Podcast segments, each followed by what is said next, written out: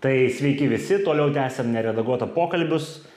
Ir kaip matot, šiandien grėsia pokalbis e, su advokatu, su, reikia pripažinti, vienu iš mylimiausių Lietuvos žiniasklaidos advokatų, Dominiku Manhara. Tai sveiki, Dominiku. Ir aišku, pakalbėsim apie tai, kaip ir priklauso advokatų, apie politinę korupciją ir politinės korupcijos bylas, o konkrečiau tai matyt daugiausia apie vieną, kuri čia jau tęsiasi kiek metų ar dešimtmečių išsiaiškinsim tuoj. E, pakalbėsim apie garsėją MG Baltico, ar kaip jinai vadinasi, ar... Tai, tai tiesiog politinė pa, pa, korupcijos. paskola, paskola dėžutėje, žodžiu. Pa, paskola e, būtų nidai pirkti.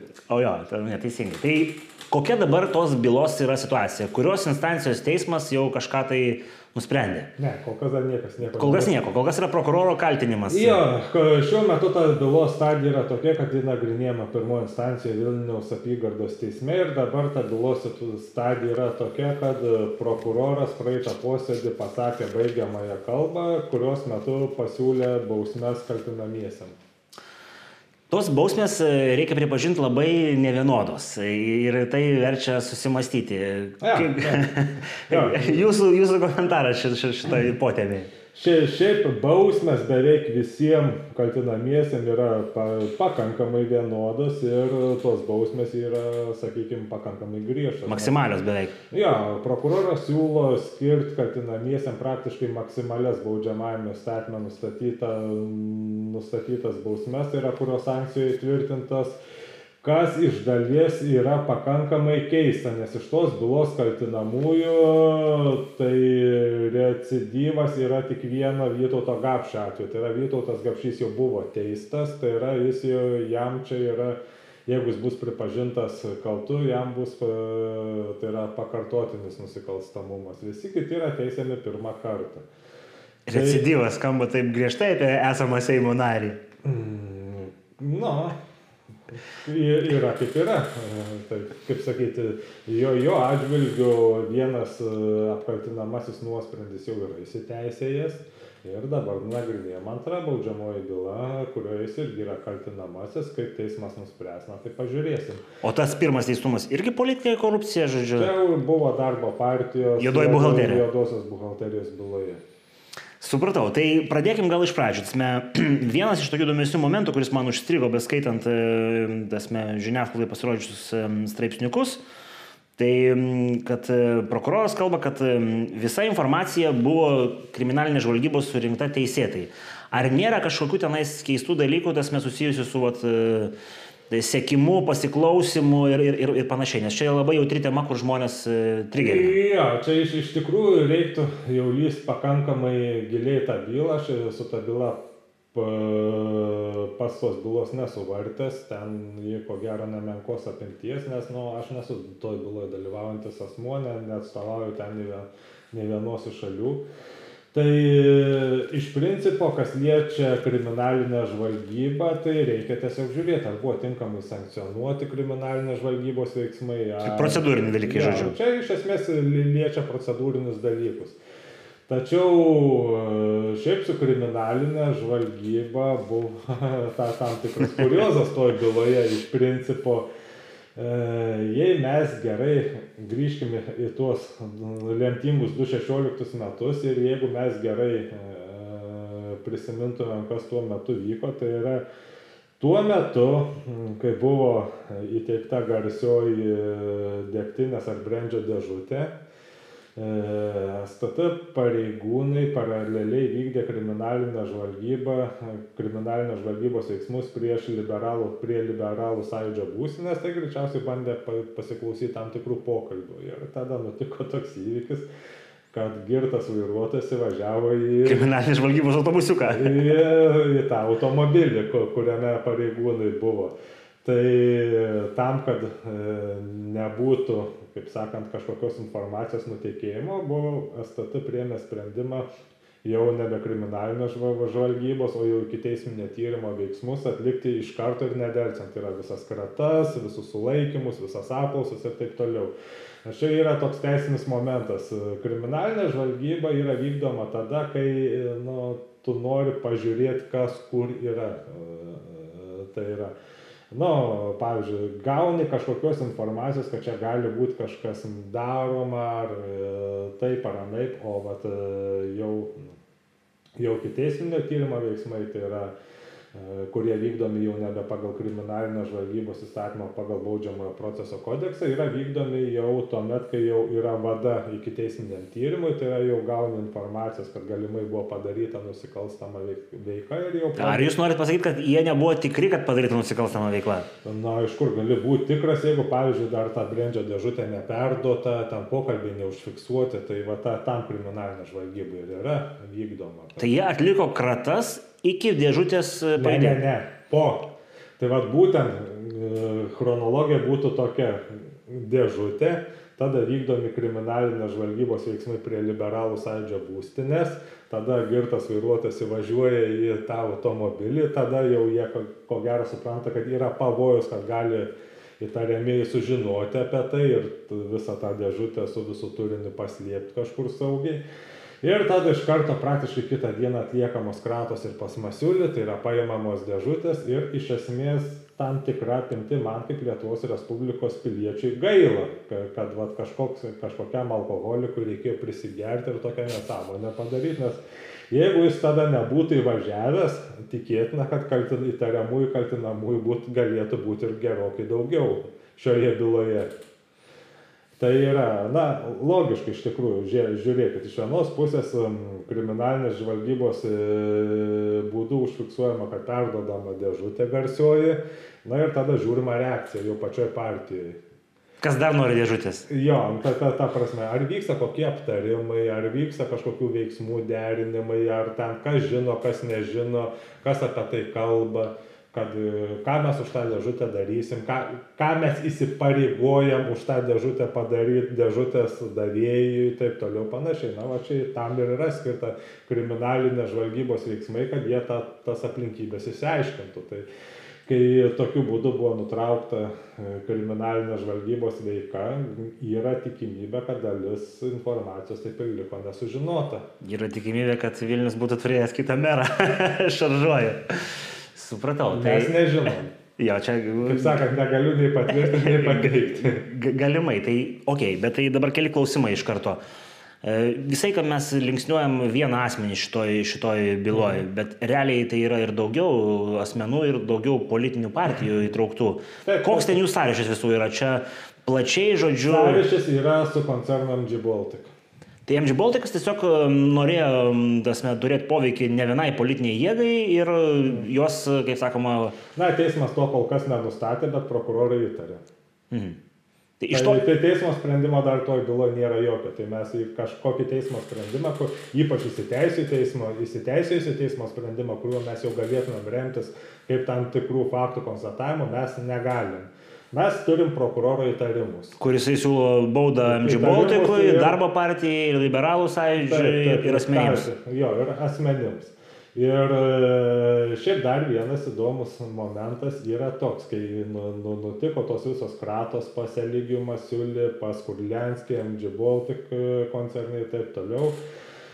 E, liberalų sąjūdis kaip partija į viešumą išėjo, kad mes visiškai bendradarbiausim su teisėsaugos institucijom, mes visą informaciją jom perduosim, mes siekiam, kad būtų atsakyti visi klausimai taip toliau panašiai. Ir dabar mes jau šiuo metu iš prokuroro baigiamosios kalbos matom, kad liberalų sąjūdžiui yra siūloma pusės milijono eurų bauda. Tai yra tikrai griežta sankcija. O, ko, o koks čia gali būti maksimumas, ar čia iš, yra kažkokie rėžiai? Ne, rėžiai yra ir ta, ten tų bausmų juridiniam asmenim yra įvairių, įvairių tai Aukščiausia bausmė yra juridinio asmens likvidavimas, priverstinis. Tai to, tokios bausmės prokurorai nesiūlo, bet baudą siūlo jau pa, pra, tikrai didelės. Ir liberalų sądžiai siūloma pusės milijono bausmė, e, pusės milijono eurų bauda yra tikrai didelė. Tai šiuo e, atžvilgiu akivaizdu, kad bent jau prokurorai tikrai nemano, kad liberalų sąjūdis su jais bendradarbiavo, ar jiem kažkokią informaciją. Čia tokią išvadą galima būtų daryti. Absoliučiai galima tokią išvadą daryti, nes jeigu liberalų sąjūdis būtų tikrai bendradarbiavęs, davęs visą informaciją, ten nu, nurodęs kas, kur, kaip ir kada, tai ta bausmė būtų iš prokurorų pusės siūloma gerokai mažesnė. Kokia gerokai mažesnė? Galim pasižiūrėti į vieną tos bylos kaltinamų. Tai yra Gintaras Steponavičius. Tai yra, jeigu, pažiūrėjau, lygiui Masiuliui siūloma septyni metai laisvės. Bet jis, ne, bet jis dėžutės nepaėmė. Jis e, įtariama, kad jis pinigus gavo kitų būdų per kažkokią viešąją įstaigą. Okay. Tai yra Ligijui Masiuliui siūlomi 7 metai realios laisvės atėmimo bausmės, kur Lenskiui 6,5. Po to Gapšiai, man atrodo, apie 5 metus ir ten visiems kitiems irgi siūlomas realios laisvės atėmimo bausmės. Gintarui Stepanaičiui 7 tūkstančių eurų bauda. Ką, ką, ką, ką galima iš to, kokią išvadą padaryti?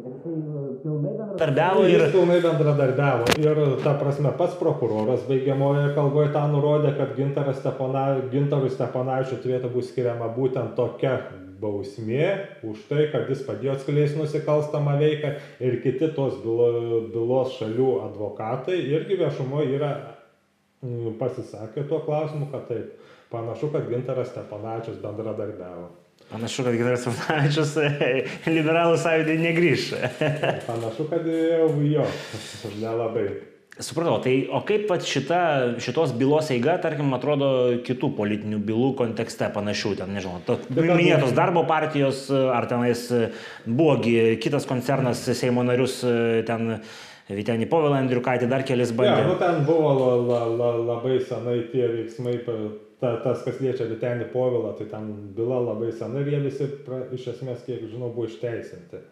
Mhm. Ir ten greičiausiai buvo klausimas vėlgi, ar teisėtai buvo vykdoma kriminalinė žvalgyba ir ten, žodžiu, teismas visus išteisino, ten nei vieno nubausto nėra. Kas liečia darbo partijos tą juodosios buhalterijos bylą, tai reikėtų atkreipti dėmesį, kad kaltinimai gerokai skiriasi darbo partijai ir liberalų sąjūdžiui. Darbo partija buvo kaltinama, na, būtent juodosios buhalterijos byla, tai reiškia, kad jie buvo kaltinami tuo, kad jie, turi didel, jie disponavo didelėmis neapskaitytomis pinigų sumomis, kurių kilmės nurodyti negali. Šiuogi atveju liberalų sąjūdis yra įtariamas, kad na, liberalų sąjūdis ir kiti byloje esantis asmenys yra įtariami kišininkavimu. Tai yra visiškai kitas baudžiamo kodekso straipsnis, tai yra mm, susitarimas atlikti tam tikrus veiksmus, už tai gaunant didelės vertės, itin didelės vertės mm, atlygį. Tai vad būtent e, mano nuomonė dabartinė byla, na, tuo, kuo kaltinamas liberalų sąjūdis, tai yra gerokai pavojingesnė nusikalstama veika, nei buvo tuo, kuo kaltinama darbo partija. Dar noriu paklausti apie versijas šitos bylos, po to galbūt plačiau galėsime šiek tiek apie kitas kažką panarplioti, bet kaip suprantu, pono Krulianskio versija gerokai skiriasi nuo tos, kurią turi prokurorai ko, ko, kaip vat, teisinasi kita pusė, kas ten vyko, ko, kokios, koks bendradarbiavimas čia buvo, čia paskola yra ta oficiali versija, ar kažkas įdomiau? Va čia yra iš esmės pakankamai įdomi situacija, kadangi kaltinamųjų versijos pradeda, gynybinės versijos pradeda gana drastiškai skirtis. Tai yra, Masulis laikosi savo gynybinės versijos, kad tai buvo paskola būtų Nidoje išvaržytini pirkti Kurlianskis savo ruošągi nurodo, kad aš, aš remiau politiką Eligijų Masiulį kaip man patinkanti politika, nes ir va, iš principo, kai kaltinamųjų gynybinės versijos išsiskiria, tai jau nėra gerai kaltinamiesiam. Atvirai pasakius, antra vertus, taip gerai pasvarščius, ar gynybos požiūriu ta versija, kurią nurodė ponas Kurlianskis, nėra perspektyvesnė iš principo, nes kiek mane pasiekė visokios informacijos, ta, ta versija gali būti ir netoli tikrovės. Tai yra, iš tikrųjų, tai buvo pinigai skirti remti partiją, nes, nu žiūrėkit, 16 metų gegužės mėnuo 16 metų spalį vyksta rinkimai, jau politinė kampanija vyksta pilnu tempu. Ir liberalai yra aukštumoje. Liberalai aukštumoje, reklamą perka visokiojopą, samdo visas viešų ryšio agentūras, vykdo visas įmanomas ten e, akcijas, kaip, pavyzdžiui, paspausko ranką lygiai Masiulį buvo tokia akcija, kas atsimenat. Ir po to po Masiulio sulaikymo visa reklama iš liberalų sąžio praktiškai dingo, nebeliko praktiškai jokios reklamos. Nusėtinga jau būtų tą reklamą tęsti su paspausk ranką lygiai pasiūlymui. Ne, tiesiog paties liberalų sąjūdžio reklama drastiškai krito, tas intensyvumas viešoje erdvėje ir taip toliau panašiai.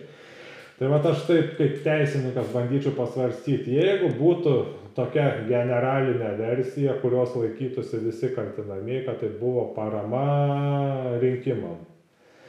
Tai žiūrėkit, tam, kad asmuo būtų nuteistas už kišininkavimą, Tai už kišininkavimą gali būti nuteistas Eligius Masiulis, kadangi jis buvo politikas, o Kurlianskis gali būti nuteistas už priekybą poveikiu. Tai yra, tam būtina dviejų aplinkybių sutaptis. Tai yra kažkokia nauda perdodama valstybės tarnautojai ar jam prilygintam asmeniui.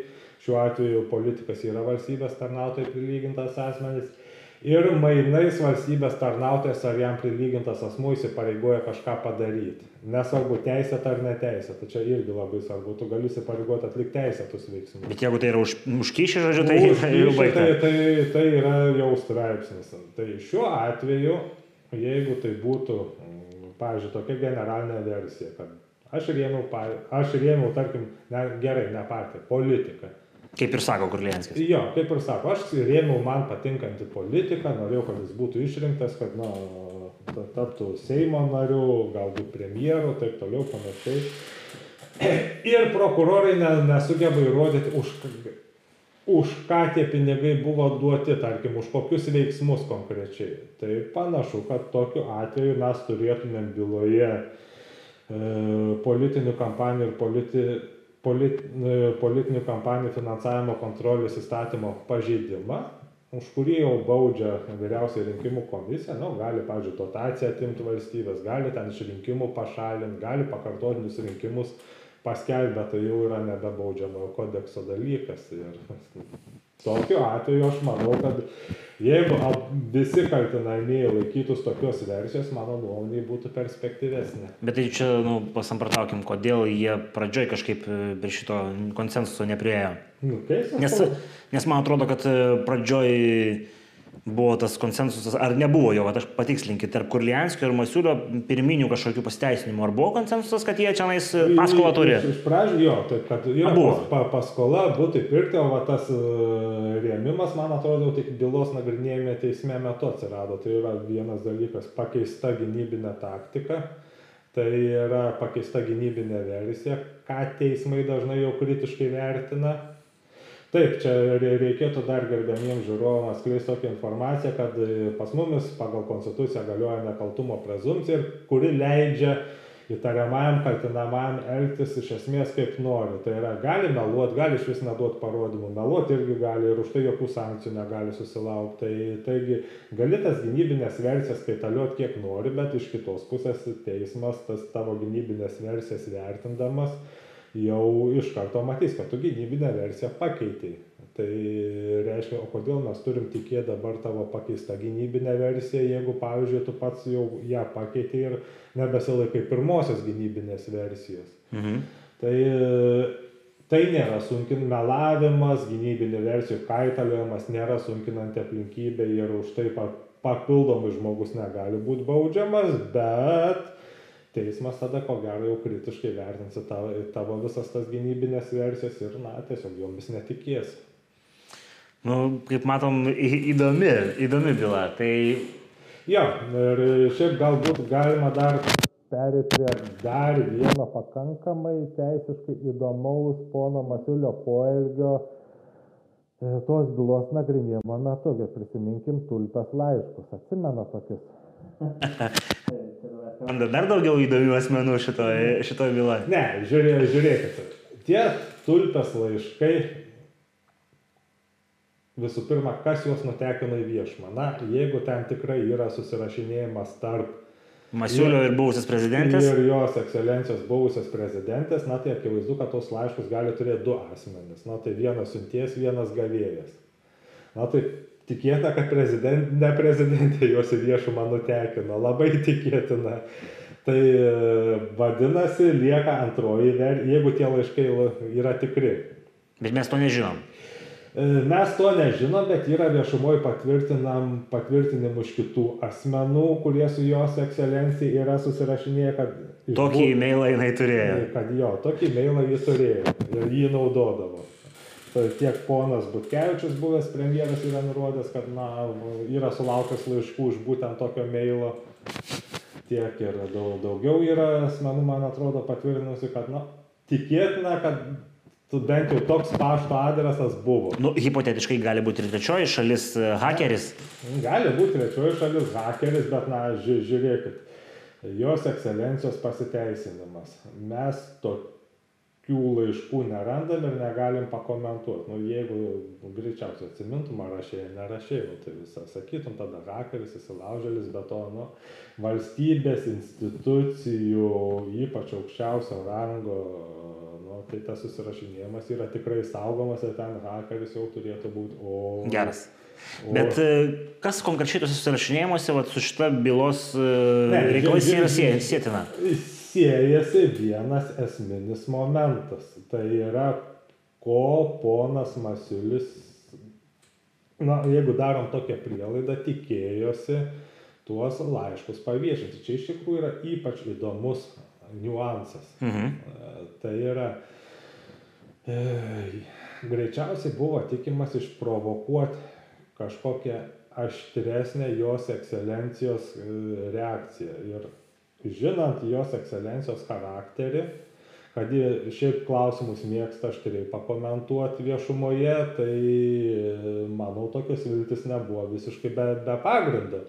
Ir vat įsivaizduokit, kas būtų tokiu atveju, jeigu vat, laiškai nutekinami, na, tada žiniasklaida pradeda atakuoti prezidentę, nu, tai gal pakomentuosit, kai, kai, ką čia susirašinėjo, dėl ko susirašinėjo, ką reiškia va tokie teiginiai, liep Motskui, kad į savo šunis patrauktų, ar dar kažkas, nu, tai jeigu jos ekscelencija būtų pakomentavusi, kad neklausykit, ką čia nusikaltelis kažkoks daro, arba man neįdomu, ką kažkoks nusikaltelis bando čia padaryti, tai viskas. Tai iš esmės Eligijus Masiulis tokiu atveju gali kreiptis į Europos žmogaus teisų teismą. Už meištą? Ne, ne už meištą. Ne už meištą? Už jo nekaltumo prezumcijos pažeidimą ir pagal e, Europos žmogaus teisų ir pagrindinių laisvų apsaugos konvencijos šeštą straipsnį, kad jis ne Lietuvoje nebeturi teisės į teisingą teismą. Nežiūrėkit. Jo, jos ekscelencija prezidentė mane jau nuteisė. Tai yra, jie jau konstatavo, kad aš nusikaltelis. Tai jau teismas dabar followins, žodžiu. Jo, jie jau konstatavo, kad aš nusikaltelis, nors jokio teismo sprendimo mano atžvilgiu dar nėra priimta. Toliau, absoliučiai be be beveik absoliučiai visų teismų teisėjų paskirimų į aukštesnes pareigas dalyvauja prezidentė. Absoliučiai visų teismų atleidimo, teisėjų atleidimas iš pareigų dalyvauja prezidentė. Vieninteliai du konstitucinio teismo teisėjai iš trijų gali būti į pareigas paskirti nedalyvaujant prezidentui. Tai yra teikiant aukščiausiojo teismo pirmininkui ir Seimui skiriant ir teikiant Seimo pirmininkui Seimui skiriant. Trečia konstitucinio teismo teisėja skiria, teikia prezidentas, skiria Seimas. Taigi tik dviejų konstitucinio teismo teisėjų paskirimas į pareigas gali apseiti be prezidentės dalyvavimo. Čia prezidentė gudriai tas ne, su, jo, su, su, suveikė. Jeigu, jeigu būtų, pavyzdžiui, išprovokuotas nu, kažkas panašaus, va tokia panaši reakcija, tai praktiškai tada tu jau lai, beveik garantuotai laimi bylą Europos žmogaus teisų teisme ir sakai, kad žiūrėkit, Lietuvoje aš negaliu būti teisingai teisiamas, nes visi teisėjai bijos prezidentės bijos ten savo karjerą ir tada mane jau automatiškai nuteisinės. Kitai šaliai perduota aš teisiamas negaliu būti, nes žiūrėkit, tai yra išimtinė Lietuvos jurisdikcija to, pagal tą, tą kaltinimą. Vadinasi, ką galit padaryti, man čia ir dabar nutraukti.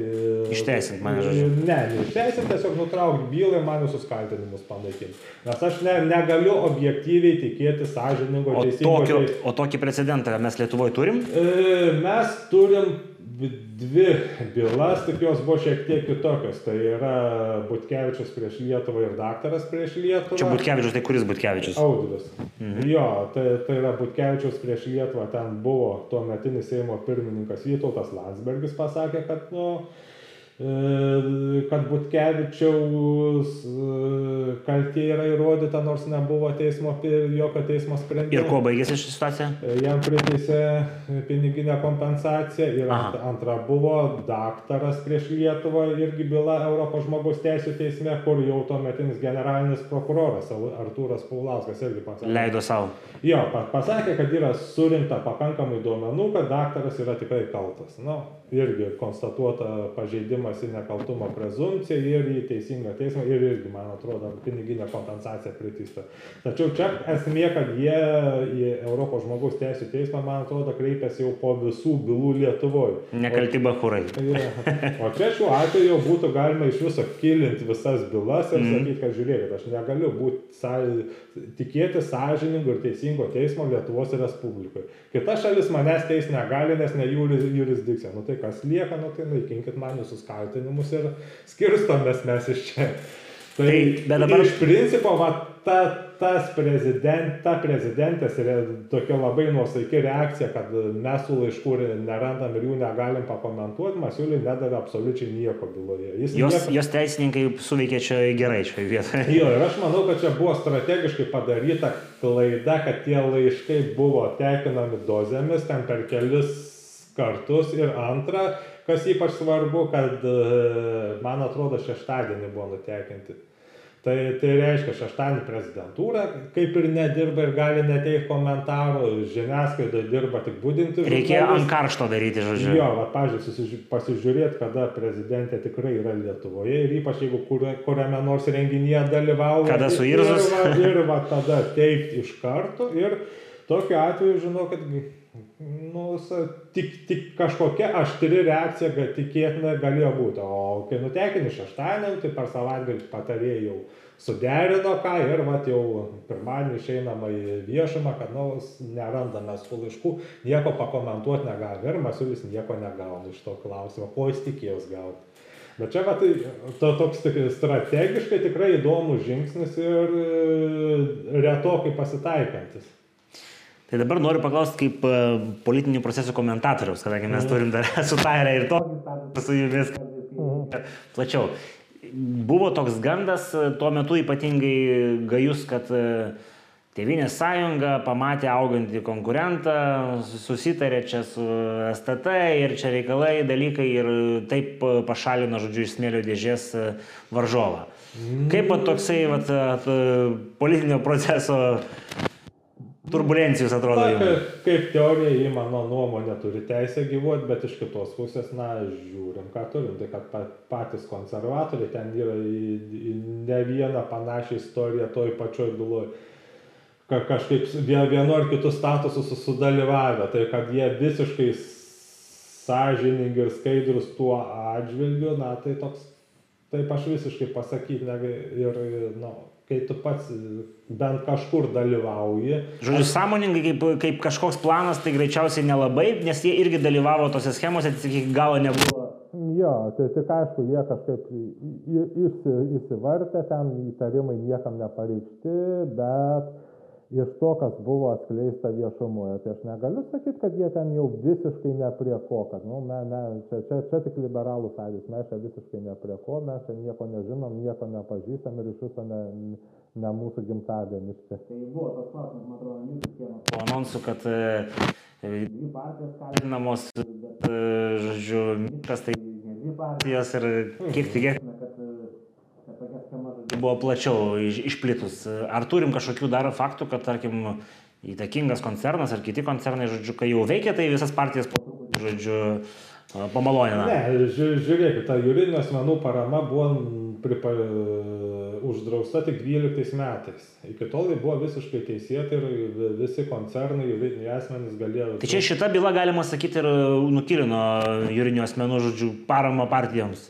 Ir ta, ta prasme, ar taip jau visi juridiniai asmenys sąžiningai nustojo remti visas partijas 12 metais, nu, nežinau, klausimas. Be abejo, yra ir daug, šiaip, šiaip gerai užvedėt ant vieno klausimo, nes, na, kas šioj, va, toj konkrečioj e, politinės korupcijos byloj įdomu, tai kad buvo pinigai perdavinėjami grinais, kešu mhm. ir iš tiesiogiai iš rankos į ranką. Tai yra susitiko Kurlenskis, perdavė mhm. Masiuliai ir grinus pinigus. Na, žiūrėkit kito, kitokią schemą, pavyzdžiui. Įsivaizduokit, na gerai, koks nors koncernas negali remti tiesiogiai partijos per rinkimus. O gali koks nors koncernas nueiti kokią nors žiniasklaidos bendrovę ir pasakyti, žiūrėkit, mes pas jumis perkam reklamą. Išrašykit mums papildomą sąskaitą, bet vat, apie tą partiją rašykit gerai, kvieskit jos politikus dažniau į laidas, ten šiaip suvartinėkit jų konkurentus ir taip toliau. Pinigai partijos nepasiekia. Bet partija naudą kažkokią tai gauna iš to ko gero. O toks toks veikimo formatas jis nėra niekaip uždraustas. Realiai čia yra dviejų šalių susitarimas, apie kurį nu, nelabai kas ir sužinos. Na, ko, ko gero, jeigu toks būtų nustatytas, tai Tai būtų jau būtų kažkoks tai. Bent jau politinių kampanijų finansavimo, finansavimo kontrolės įstatymo pažeidimas galbūt būtų. Ir jeigu būtų išsiaiškinta, kad na, buvo kažkoks susitarimas, kad vat, mes ka, kažkam pamokam, kad jūs, jūs geriau atrodytumėte, o jūs mainais ten kažką padarot, nu, tai lygiai tas paskišininkavimas. Bet aišku, jis be abejo daug sunkiau nustatomas. Šiuo atveju E, kas dabartinėje byloje yra pakankamai aišku, tai yra užfiksuoti pinigai. Ir ne, net kaltinamieji dėl pinigų e, nieko, jokių versijų nekelia, kad nebuvo ten pinigų ar nieko. Ne, jie, jie tiesiai šviesiai pripažįsta, kad pinigai buvo perduoti. Ir buvo perduoti būtent iš Kurlenskio Masiulį. Čia ginčio dėl to byloje net nėra. Tai va tas jau yra pakankamai stiprus. O dabar įvertinus tai, kad nu, tokiu žiauriai oldschooliniu metodu tie pinigai buvo perdavinėjami, na, tai man kyla tada klausimas, kad tie žmonės ko gero nieko nebijojo. Nes jeigu... Čia kurie žmonės? E, nu, va, kurie dalyvavo.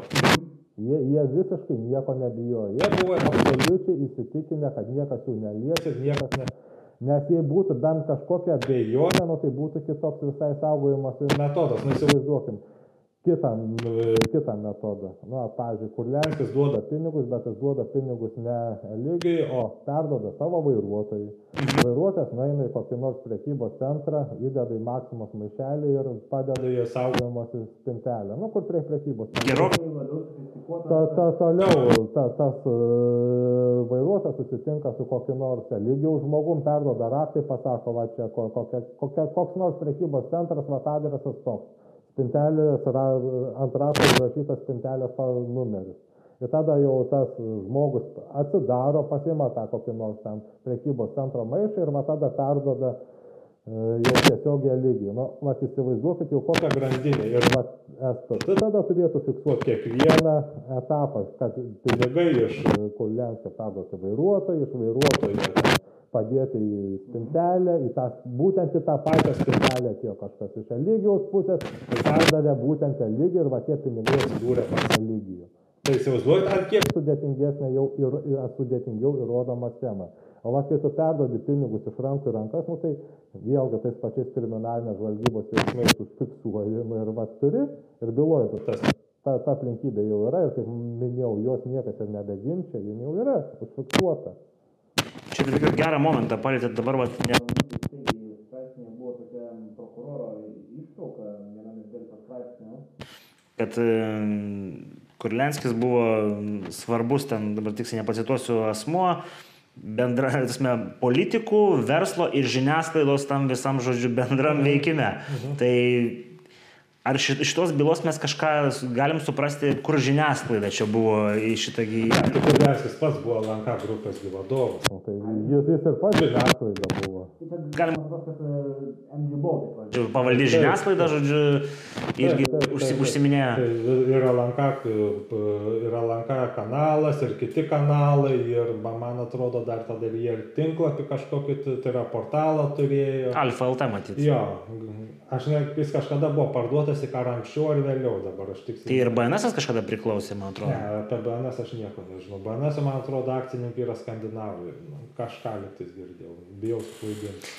Ok, tai tada pasižiūrim taip. Yra vienas iš, to, iš tokių irgi dar naratyvų sklandančių, kad e, šita byla, nu, matyt, ne viena, o čia jų, jų istorija nepriklausomos Lietuvos yra buvę ir daugiau, smugdo teisės saugos e, kaip ir reputaciją, nes vyksta vilkinimas, tie procesai tęsiasi dešimtmečiais. Žinom, kad pavyzdžiui, vat, kita politinė jėga, kuria čia jau yra, kuri minima ir šitoj byloj, e, ir išsiregistravo, persiregistravo, pavadinimas panašus, o ar toks pat, o juridinis kodas jau kitas. E, Na, nu, aš atsakymą turiu tokį, kad mes esame jauna valstybė. Jauna demokratija. Jo, jauna demokratija, mūsų visa teisinė sistema dar nėra, nėra pasiruošusi, galbūt neturi to know-how. Mhm. Tokia, tokias bylas tirtina ir tyriam, va, ties, kaip sakant, bandymų ir klaidų metodų. Na, va, su, su darbo partija nelabai pavyko. Pažiūrėsim, kaip šį, šį kartą, man atrodo, šiek tiek jau stipriau. Bet čia mes dabar turim, kaip sakėt, dar net pirmos instancijos sprendimo neturim. Tai Taip. E, kiek hipotetiškai, nu, maksimaliai šitą bylą galėtų dar tęstis? Dar penkis metus? Nu, dabar jeigu jau sakomas baigiamosios kalbos, nu, tai tikėtina ant šių metų vasaros mes jau sulauksim pirmos instancijos teismo sprendimo. Nu, tada apeliacinis šiek tiek jau greičiau vyksta. Bet dar apeliacinis, tai čia ne, ne, ne, ne finišas. Taip, dar yra aukščiausiasis teismas, na, tai iki dar kitų Seimo rinkimų galbūt jau ir galutinį rezultatą matysim. Gal, nežinau, sunku pasakyti. Čia aišku, jau spekulacinis tas dalykas, turint omeny, kas dabar valdžioje, tai matyt, nenaudinga jiem būtų iki kitų metų rinkimų. Nors ir tarpiniai sprendimai, man atrodo, jiem gerai. Jeigu būtų apkaltinami, tai suveiktų, manau. Tai va irgi buvo klausimas iš žiūrovo, manau, kad verta jį užduoti po tamstos, man atrodo, sienos postų, kad ar nebus taip, kad e, liberalų sąjūdis e, e, pridengs kažkokiu nors kitų rezonansinių kultūrinių karų įvykių šitą bylą ir ten buvo konkrečiai kalbama, ar ne, nekištelt kokios partnerystės įstatymo į Seimą, kad visi mm. susaudrėtų ir kad tas MG Baltiko reikalas ir, ir, ir liberalų sąjūdžio nueitų kažkur tai į antrą, trečią planą? Geras klausimas, bet e, reikia pasakyti, kad teismas dirba daugiau nei Seimas. Seimas turi sesijas ir, pavyzdžiui, mm. jeigu teismas skelbtų sprendimą vasarą, tai Seimas nedirba vasarą. Mhm. Tai, a, tai vadinasi, galėtų, teisme, taip suderinti teismas, kad... E, nu, tai teismas, aišku, suderinti negalėtų. Teismas bylą nagrinėja taip, kaip yra nagrinėjama ir kada bus baigta nagrinėti, tada jis ją išnagrinės. Bet sakau, teismas dirba ilgiau nei Seimas. Tai visų pirma, visų antra, nu, aš sunkiai įsivaizduoju, kad kokia partnerystė galėtų užgošti tokį įvykį. Neužtektų. Ne, jokių būdų. Čia jau būtų rezonansas. Ar turint omeny, kad, nu, aišku, liberalų sąjūdis yra minimas, bet e, kita partija dar yra gimus iš liberalio, liberalų sąjūdžio pumpuravimosi būdų, žodžiu, tai... Ten, ten buvo, buvo dar vienas toj byloj įdomus aspektas, kai buvo išrinkta liberalų sąjūdžio pirmininkė Viktorija Čmilytė Eligijus Masiulis beras Facebook'e pa, pa, parašė tokį įrašą, nežinau, gal feelingo pagautas, kad e, sveikinu Viktoriją, ji ten labai šauni, taip toliau visą kitą. Tačiau kai kuriem asmenim norėčiau perduoti, kad na, jie negalvotų, kad aš čia vienas viską ant savęs pasiimsiu. Ai, netgi buvo toks sakinys pasižodžiu. Jo, ka, kažkoks pana, panašus, kad vėliau jis aišku nebekartuoja. Nu, mes aišku prisimenam tą garsią reklamą, kur buvo trys, trys veikėjai, žodžiu. Vienas iš jų labai lengvai teisiamas, žodžiu, kitas sunkiai, o vienas, kaip sakoma, tiesiog... Ne prie ko. Ne prie ko, tiesiog Vilnius meras. Tai, nu, ne, ne, ne prie ko. Nu, tai va, iš lygiaus buvo tokia žinutė ištransliuota, kad, nu, va, nesitikėkit, kad aš čia vienas ant savęs viską pasimsiu, jūs liksit kaip ir ne prie ko. O tai čia kaip, kaip advokato paklausiu, ar teismas ir, ir prokurorai ir tokius dalykus e, seka nuodugniai ir tai tikrai yra kažkur tai, nes nu Facebook'e gali vieną dieną būti, kitą dieną nebebūti. Tai aš nemanau, kad prokurorai tą gali kažkaip teisme panaudoti. Galbūt, e, jeigu Eligijos pirmoji instancija, pavyzdžiui, gautų, būtų pripažintas kaltu ir gautų tikrai solidžią laisvės atėmimo bausmę, galbūt jis norėtų pabendradarbiauti šiek tiek. Nu, pa, pamatęs, kad ne, nebepavyks apsiginti, nu, tai kas lieka, prisipažinti visą informaciją kluoti ir tada tikėtis, kad nu, prokurorai gal apeliacinės instancijos teisme pakeis savo verdiktą ir sakys, nu, gerai, gerai, duokim mažiau, ten užtenka jau ten. Mm. Gerai, tai tada pabandom dar kelis klausimus iš, iš, iš tokių klausytojų Facebook grupės narių ir patronų paimti. Tai vienas toks pakankamai nu, konkrečiai te, teisinės žodžio, kodėl už neteisėtą paramą politiniai partijai yra keliama baudžiamoji byla, nes tokio straipsnio BK nėra. Tai yra toks ar tai nėra? Tai apie ką mes jau ir kalbėjom laidos pradžioje. Jeigu būtų laikomasi generalinės gynybinės versijos, kad tai yra politinė parama. parama, tai yra finansinė parama partijai, kuri gal taip neteisėta, už taip už ją turėtų būti baudžiama, bet baudžiama jau būtent pagal mano kelis kartus minėtą finansavimo ir finansavimo kontrolės įstatymą politinių kampanijų. Tai taip, baudžiamajam kodekse tokio straipsnio nėra. Bet, bet čia dar įdomu. Bet jeigu už tą paramą tu sutinki kažkaip atsilyginti, tai Aha. jau straipsnis yra aiškiai kišininkavimas. Tai va čia ir dėl kišininkavimo dar klausė. Be to, BK tik beros nuo 2017 vidurio atsirado kišininkavimo savokos praplėtimas, kad kišis gali būti ne tik už konkretų veiksmą, bet ir iš imtinę padėtį ar palankumą ateityje. E, tai kaip čia yra? Jeigu tokio nebuvo, tai vadinasi, nu... Ne, ne, buvo. Tuo, tuo metu, man atrodo, tai buvo, buvo ir uh, už, kiek, kaip minėjau, kišininkavimas yra dviejų elementų sutaptis. Tai yra mhm kažkokia, kažkoks atlygis ir įsipareigojimas kažką padaryti už tą atlygį.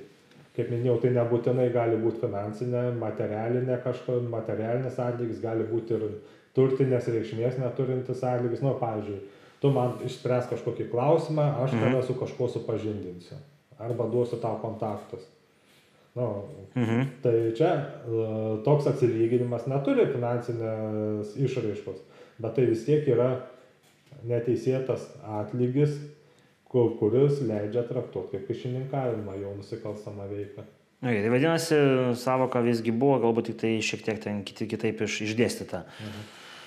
Tai dar tai bendriau tada paklauskim, vat, vienas iš, iš e, klausytojų klausia, kodėl ir kaip taip nutiko, kad e, Lietuva tik Butkevičius sugebėjo pasodinti, o tų bylų politinių čia netgi vat, pasikėliau straipsnius, Ir yra labai neblogas straipsnis, kur yra aptariamos 16 e, metų gegužės 12 dienos straipsnis apie didžiausias politinės korupcijos bylas. Nu čia visokių smagių bilelių yra, žiūrint retrospektyviai. Kaip čia taip nutiko, kad mes per tos 30 metų... Ne, net, net tai už korupciją tai ne tik Butkevičius yra e, pasodintas, yra ir daugiau asmenų gavę realias laisvės atėmimo bausmės. Aš tikrai atsimenu ir vieną teisėją, kuri mhm. yra gavusi realią laisvės atėmimo bausmę ir daugiau ten jų buvo. Bet aš turėčiau tokį filosofinį klausimą. Ar tikrai laisvės atėmimo bausmės kyšininkam yra na tos pačios geriausios? Nes žiūrėkit, gerbėmiai, koks yra pagrindinis kyšininkų motyvas daryti nusikalstamą veiką, tai yra kyšininkavimas nu, nežinau, motyvas finansiškai praturtėti. Jo, tai būtent turtinis interesas, ne, nesažiningai, neteisėtai. Tai geriau konfiskuoti turtą. Tai va per tą motyvą turi kirsk. Tai e, jeigu žmogus pagaunamas įmant kyšį, nu tai gerai, atei konfiskuojamas kyšis. Tada įkalk didžiulę baudą, nu ten e, su keturiais ar su penkiais nuliais Tada patikrink visą jo turtą, ar jis savo turtą gali pagrysti teisėtais e, pajamų šaltiniais. Jei ne, konfiskuoji turtą už neteisėtą ir dar neteisėtą praturtėjimą jam įkali. Ir e, ta, toliau išmeti jį iš ten iš valstybės tarnybos be abejo, be jokios abejonės. Tai tikimybės jam toliau kišininkauti nebėra, nes jis jau nebebus politikas, valstybės tarnautas ar taip toliau. Tai mano nuomonė prevenciškai tas veikia tikrai neblogiau nei laisvės atėmimo bausmė. O laisvės atėmimo bausmė, nu tai ką, žmogus eis ir bus išlaikomas mokesčių mokėtojų pinigų. Jis nei pats dirbs, nei žalos kažkokios atlygins ir dar mokesčių mokėtojų išlaikinės. Ir geresni iš ten, žinokit, neišeina. Nes aš suprasčiau, jeigu pas mum mes turėtumėm tokią penitencinę sistemą, kaip, pavyzdžiui, Skandinavijoje, kur... Sėdi namuose uždarytas. Ne, kur, kur taip, įkalinimo įstaigos pa, pataiso nusikaltelius, ten pakartotinis recidyvas yra labai retas tarp laisvės atėmimo bausmę atlikusius, nu, kai žmonės tikrai pataisomi. Pas mumis recidyvas tarp laisvės atėmimo bausmę atlikusių žmonių yra didžiulis. Tai reiškia, mūsų uh, E, penitencinė sistema nesugeba žmonių pataisyti, gražinti juos į visuomenę kaip dorus, sąžiningus piliečius. Ne, jie išėję, jie būna dar blogesni. Jie ten e, susitinka su savo kolegom, iš jų pasimoko know-how, kaip daryti vienas ar kitas nusikalstamas veikas ir išeina dar pavojingesni nei įėję. Tai kur visuomenės interesas siū žmonės į laisvės atėmimo bausmę, kai visuomenė už tai ir susimoka, ir saugesnė galiausiai dėl to netampa. Aš suprantu, kad realios laisvės atėmimo bausmės turi būti tiem, kurie yra realiai pavojingi visuomenė. Tai yra žudikai, prievartautojai, padarę smurtinius nusikaltimus, kur tikrai žmogus yra pavojingas visuomeniai, jį reikia nuo visuomenės bent jau laikinai izoliuoti, tol kol jis atlikinės laisvės atėmimo bausmę. Šiuo atveju, jeigu mes, pavyzdžiui, iš kyšininko atimam jam valstybės tarnybą, tai yra jis nebegali kažkur į labai ilgą laiką eiti. Nu, bet jums galėtų paprieštrauti, oponentas sakytų, tai laisvės atėmimas jau nu, de facto atimėtų iš jo. Ne, nu taip, atimė, bet pats ir susimokai visiškai už jo išlaikymą, o kalinių išlaikymas labai brangiai kainuoja, geresnis jis iš ten neišeina. Tai va, tu geriau kirks ten, kur jam tikrai skauda, per jo finansus, per jo pinigus, per jo turtą ir atėmęs galimybę jam kišininkauti. Nu, tai ta, tu tą kaip sakyt, jo pavojingumą ir eliminuoja. Nu, nebebus žmogus valstybės tarnautojų kyšių, nebeims. Ir dar pa, pats papildomai susimokės gerokai daug dalį turto neteks. Na ir tokiu būdu, manau, žmogus bus pakankamai nubaustas, kad jis to, to daryti negalėtų. Ir mano nuomonė, visuomenės interesas būtent ir būtų. Kuo griežtesnėm finansiniam bausmėm. Tai yra ne, ne keli tūkstančiai bauda, o keli šimtai tūkstančių eurų baudos, dar turto konfiskavimas, taip toliau panašiai. Nu, ir, aišku, tarnybos netekimas ir mano nuomonė. Aišku, dabar jau suprantu, kad bus daug besiginčiančių su manim, bet mano asmeninis įsitikinimas taip, kad tų žmonių, kurie smurtinių nusikaltimų nepadarė ir ypač jeigu baudžiami pir, teisiami pirmą kartą, tai jų į laisvės atėmimo bausmės atlikimo vietą nu, nereikėtų siūsti. Pakomentuos jūsų šitą pasakymą, bet, bet kokiu atveju manau, kad filosofinė išvalga ir verta pamastyti. Mhm Ir šiuo atveju galima sakyti, kad e, jūsų ir dabartinės teisingumo ministrės požiūriai sutampa. Nu, bet bent vienu kartu sutampa. tai, tai va, tai pasidžiaugim. Tai ką, Dominikai, dėkui, kad pakomentavot, nes aš suprantu, kad e, kartais matyti, kaip batsiuvys nenori apie batus kalbėti, tai mm. teisininkas, advokatas nenori kalbėti apie tokius dalykus, kurie arti orbitos yra. O žiūrovam tada dėkui visiems, kad žiūrit ir nepamirškit mūsų socialiniuose tinkluose. Dar kartą dėkui Dominikui ir iki kitų kartų.